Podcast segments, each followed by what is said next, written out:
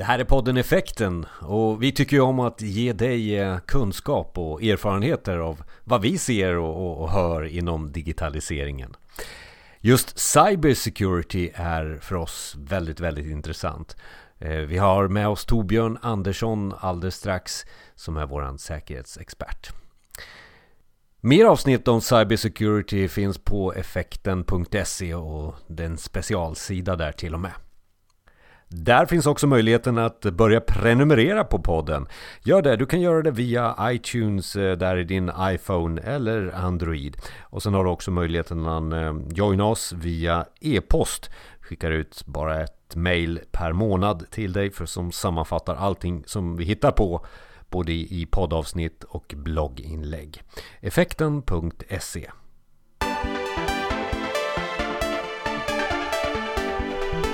Välkommen till Effekten. Det är vi som optimerar och förklarar digitaliseringen för dig. Och mitt uppe i den här digitaliseringen så kommer det olika begrepp och ord som används. Och vi tänkte att vända och vrida lite på blockchain idag. Välkommen Tobbe. Tack så mycket. Så Tobbe, vad är blockchain? Vi börjar där. Mm, bra fråga som eh, oftast kräver ett eh, längre svar faktiskt. Men på svenska säger man ju blockkedja. Eh, så enklast är det att tänka just att det är en kedja. Eh, som egentligen är en matematisk metod för att säkerställa liksom, transaktioner i en kedja. Som sker i en kedja. Har man jobbat någonting med kryptering eller bekant med det så kommer man ändå känna sig ganska hemma här. Att det är just en eh, matematisk process som, som visar på dataintegritet. Så att man kan göra säkra transaktioner. Och, och, och, blockchain är ju väldigt mycket en, en eh, väldigt smart sak som, som någon har kommit på. Varför är den här tekniken så betydelsefull då? Mm. Ja, för det är ju verkligen en, en makrotrend om man ser på, på vårt, vårt samhälle i stort. Eller hur man ser den hype som ändå är kring block, blockkedjeteknik. Eh, så om man tittar i, i det stora perspektivet så um, så bakgrunden är ju lite grann digitaliseringen. Alltså vårat förhållningssätt till kommunikation och utbyte av varor och tjänster som vi just nu håller på att digitalisera. Och, och där vill vi ju då på något sätt kunna även säkerställa genom handel. Alltså en ny form av handel. Och fler och fler tjänster och lösningar bygger då på en decentraliserad modell. Som då blockkedjetekniken grundar sig på. Så du menar att det här med att servrar, det, det, det, är jobbigt i den här för att få framdrift och, och, och, att det ska gå snabbare så är det jobbigt att ha servrar. Därav att det, det blir en, en, annan typ av teknik runt. Ja, och sen att det är en, en ännu större trend skulle jag vilja säga. Just det här med decentralisering. Att vi har ju väldigt, eh, om man tittar senaste tio åren har vi jobbat mycket med centralisering. Vi vill liksom konsolidera, samla all, all data på ett ställe, se till att skydda datan på ett ställe, bygg perimeterskydd. Alltså jag som jobbar med säkerhet ser också den här förändringen i att vi sprider datan på ett helt annat sätt. Det är en, ett annat sätt att tänka.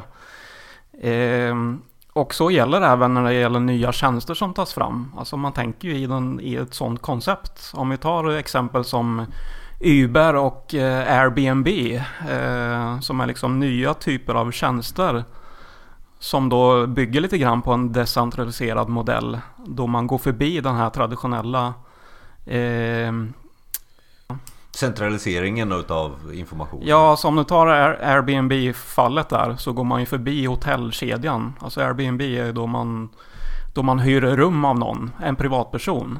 Och hela det här konceptet går ut på att, att man går förbi den här eh, administrativa delen med ditt hotell och eh, du måste gå via ett hotell som gör den här säkra transaktionen, säkra uthyrningen av din, ditt rum. Du går förbi the middleman och går ja, direkt på... Ja, och det är lite det det här handlar om egentligen. Att du ska kunna göra affärer och överenskommelser direkt eh, mellan individer på ett sätt. Det, det, det är själva konceptet skulle jag vilja säga. Är det det också, som en följdfråga till det här, alltså, eh, är det det som alla blir rädda för också? För att man går just förbi the middleman och the middleman blir lite rädd här. Vi pratar banker, vi pratar hotellkedjor. Ja, taxi. Mm. Ja, och ja. om vi ser då finansiella marknader med, med, bitcoin till exempel. Där tror jag väl att man är lite orolig för hur, hur det här kan komma att användas i praktiken. Eh, men sen som du nämnde då, bank och finans, de tittar ju själva och, och ser ju stora möjligheter med just blockkedjeteknik att använda det i sitt. Det, det är ingen, jag tror inte de ser det som ett hot mot deras, deras eh, dagliga verksamhet som de gör idag. Utan snarare ett, någonting man kan utveckla. Och du nämnde det här med, med, eh, med, med bitcoin. Så vad menar du med bitcoin i det här sammanhanget? Jo, eh, ja, bitcoin är ju egentligen en tillämpning av eh, blockkedjeteknik. Eh, så det är det vi kallar en kryptovaluta som bygger på blockkedjeteknik. Eh, och just eh, finansiella marknader och bank och finans har ju varit snabba här eftersom vi pratar om säkra transaktioner. Eh, och att vi är väldigt vana vid att ha just den här centrala punkten med en bank. Det är omöjligt att göra affärer idag utan en bank. Så därför har ju det här blivit väldigt attraktivt att kunna använda en, ändå en kryptovaluta som, en, som ett säkert eh, medel att handla med. Då. Eh, och jag tror bakgrunden till det är ju att vi idag har digitaliserat valutorna, eller våra pengar. Liksom 90% idag är ju i digital form. Ja, det är inte kontanter, det är Nej, inte papper precis, längre. Det är så. ju ettor och nollor redan idag. Så då är ju inte steget så långt till att eh, till och med skapa någon egen valuta kring det eller att göra nya lösningar, tänka nytt kring det när det ändå är digitaliserat. Eh, så man, man, brukar ju säga att internet är, är till för utbyte av information och blockchain är mer till för utbyte av värde. Så tänk det här handelskonceptet där. Så var är vi någonstans? Eh, vem äger bitcoin och måste det regleras på något sätt? Och bitcoin är ju inte ensamma heller som valuta här, men, men ja. Det är ju i princip ett demokratiskt system där eh, medlemmarna reglerar varandra. Så inom plattformen i den här blockkedjan så finns ett antal noder som representerar medlemmar kan man säga. Eh, där då varje medlem har en röst så en dator, en röst kan man säga, förenklat.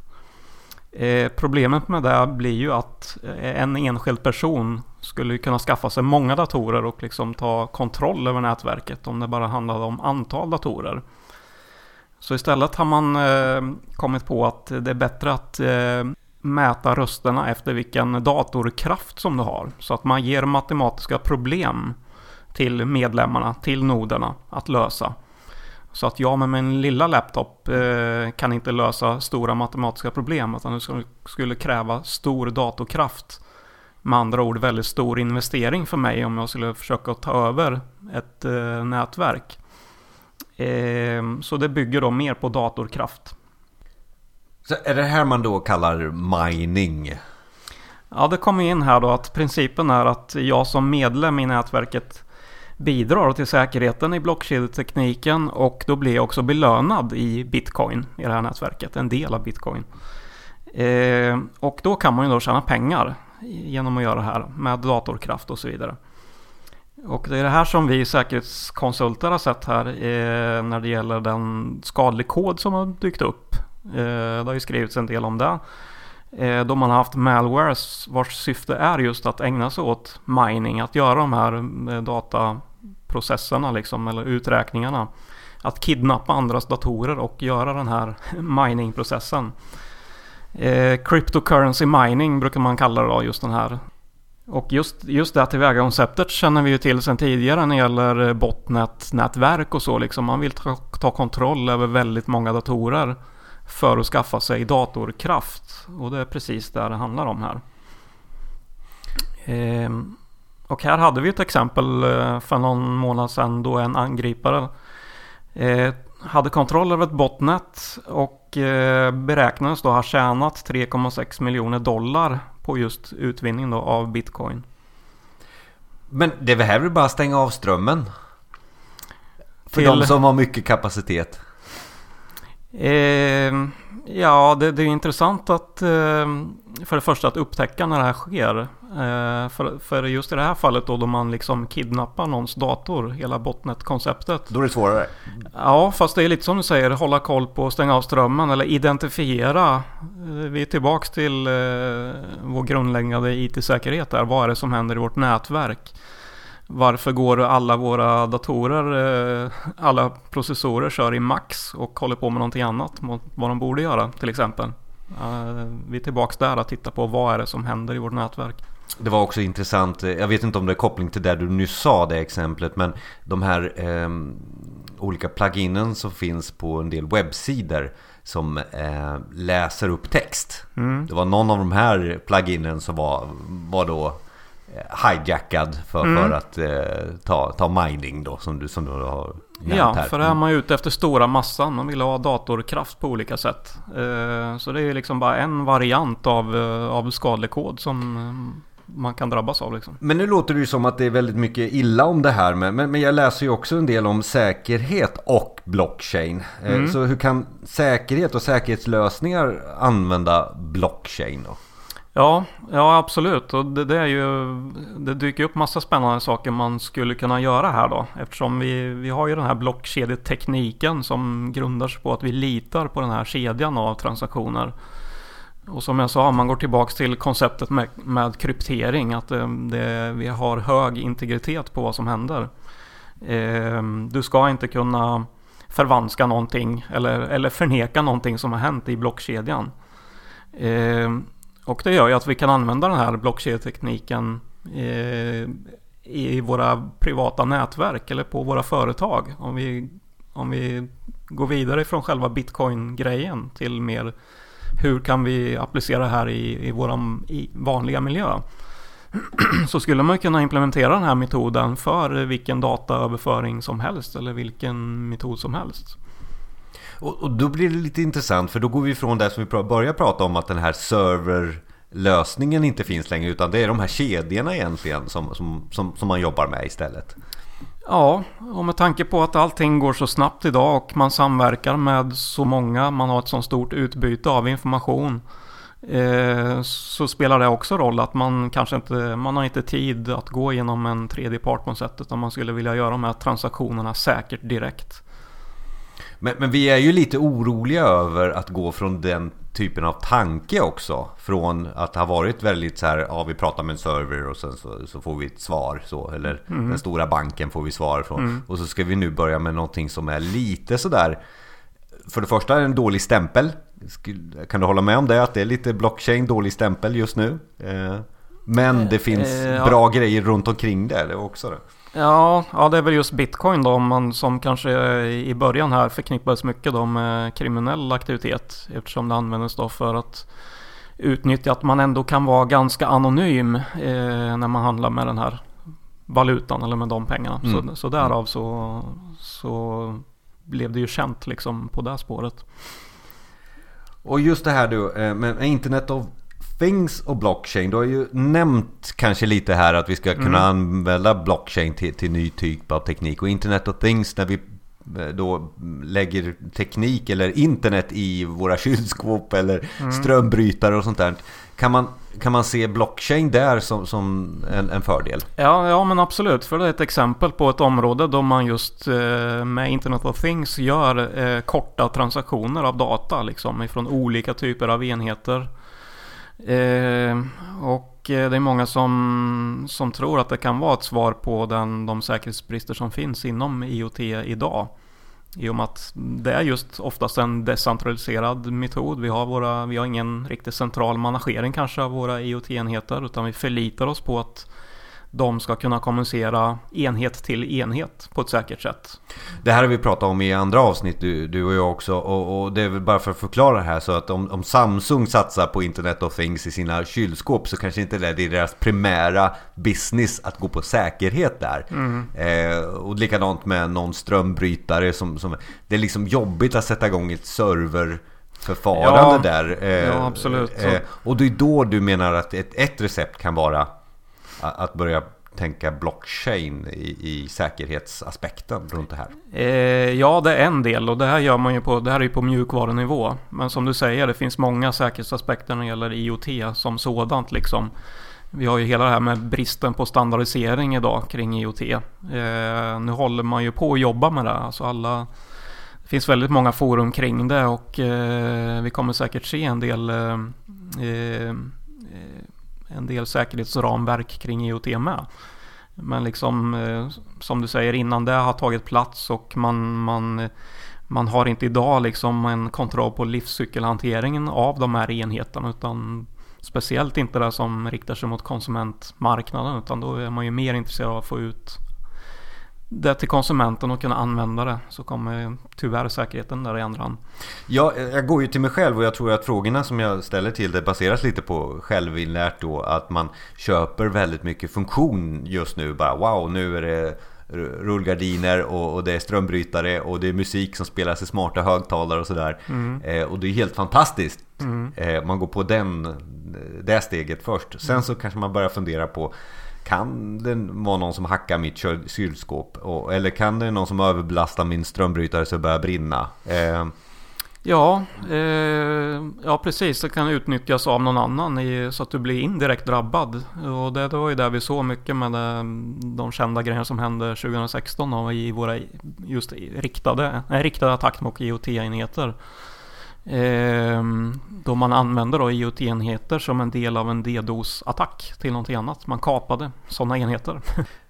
Ja, men nu har vi pratat väldigt mycket om IoT som användningsområde för blockchain. Men, men nu är det ju blockchain vi pratar om och, och finns det några andra användningsområden eh, som det här skulle kunna användas till? Eh, ja absolut, det finns det ju. Och man tittar ju på olika branscher och hur man skulle kunna tillämpa det här. Eh, både internt på företag och inom specifika marknadssegment. Liksom. Eh, och något man pratar mycket om är ju det här med smart contracts. Att kunna göra transaktioner och affärer direkt med någon annan utan att gå via via vad det nu kan vara, försäkringsbolag, bank, någon, någon, re, någon som reglerar det här utan kunna få upp ett tempo och att, att göra det här i, på ett snabbare och säkrare sätt då. Men nu förstör du ju väldigt många olika eh, affärsidéer eller affärs... Eh, många affärer idag för banken bygger ju på att, att det ska vara någon central plats här och nu ska du gå förbi the middleman här. Ja, men jag tror, inte att, eh, jag tror inte att bankerna känner sig hotade av den här tekniken på så sätt. Utan de kommer ju fortfarande ha sin roll och kommer ha det i överskådlig framtid med allting annat de gör. Utan jag ser det här mer som ett sätt att eh, eh, Ja, så, som, som vi sa i början där att eh, man har ju digitaliserat allting så mycket. Om, om ett par år kommer liksom verkligen vara en digital värld. Så varför ska man inte då kunna göra liksom digitala kontrakt på ett enkelt sätt? Om, om det bara handlar om tillförlitlighet och, och så, så kan man ju lösa det rent tekniskt. Och vi har touchat det redan nu då, men, men som, som en slutdel här, alltså framtidsspaningen, den är ju enorm då egentligen. Det är bara fantasin som sätter gränser. Om jag lyssnar, vad, vad säger du om framtidsspaningen? Ja, då, då, ska du höra på de som verkligen är frälsta inom eh, blockchain. Eh, de menar ju mer att det är på, kommer att påverka hela samhället eller hur vi lever. Att det här med att man trots allt då går förbi den här tredje parten, att man gör affärer, man gör överenskommelser eh, person till person. Eh, det här kan ju eh, göra skillnad på ditt förhållande till din arbetsgivare och så vidare. Hela den här samhällsstrukturen. Eh, så det finns någon som har väldiga visioner liksom kring det här. Konspirationer? Nej, konspirationer men liksom att... nej men vissa menar ju att det, det, kommer att förändra grundläggande saker i, i samhället då. Då är det en revolution då kanske? Ja, ja lite däråt att... Och just det här ändå att ett, på något sätt ett demokratiskt system, att du inte kan förvanska information, du kan inte... Eh, det blir svårare liksom att vara en korrupt besluts eh, i en process att kunna för, förvan, förvanska saker, utan det här bygger på att eh, alla i ditt nätverk eh, kan se vad som händer i det här. Då. Är det något mer här på, på slutet som du vill påpeka som, som, som vi inte har tagit upp eller någonting som du kan rekommendera för, för någon som sitter och lyssnar på det här som, som kanske har någon affärsidé eller något liknande? Eh, ja, det är väldigt styrt på vilket tillämpningsområde som, som man vill använda det här. Eh, men, men alla som håller på med IT liksom eh, tycker jag ska hålla koll på det som händer. Det är, det är väldigt mycket som händer på det här området och kommer att hända i framtiden. Eh, så följ, följ debatten, följ konversationen som sker eh, och var med i, i dialogen kring det. Vi kommer lägga ut lite länkar på effekten.se och på effekten.se bloggar också Tobbe. Så att följ oss där ehm, och eh, vi kommer återkomma till det här ämnet säkert i flera avsnitt framöver. Säkert. Tack så mycket Torbjörn Andersson. Mm, tack.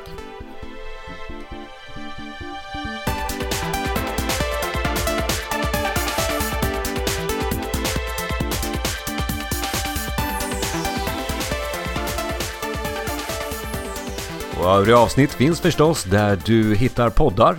Om du inte redan har börjat prenumerera på effekten, då har du den ju direkt i din feed. Just nu aktuella ämnen om CEO, bland annat AI. Vi eh, pratar lite introduktion om Scrum.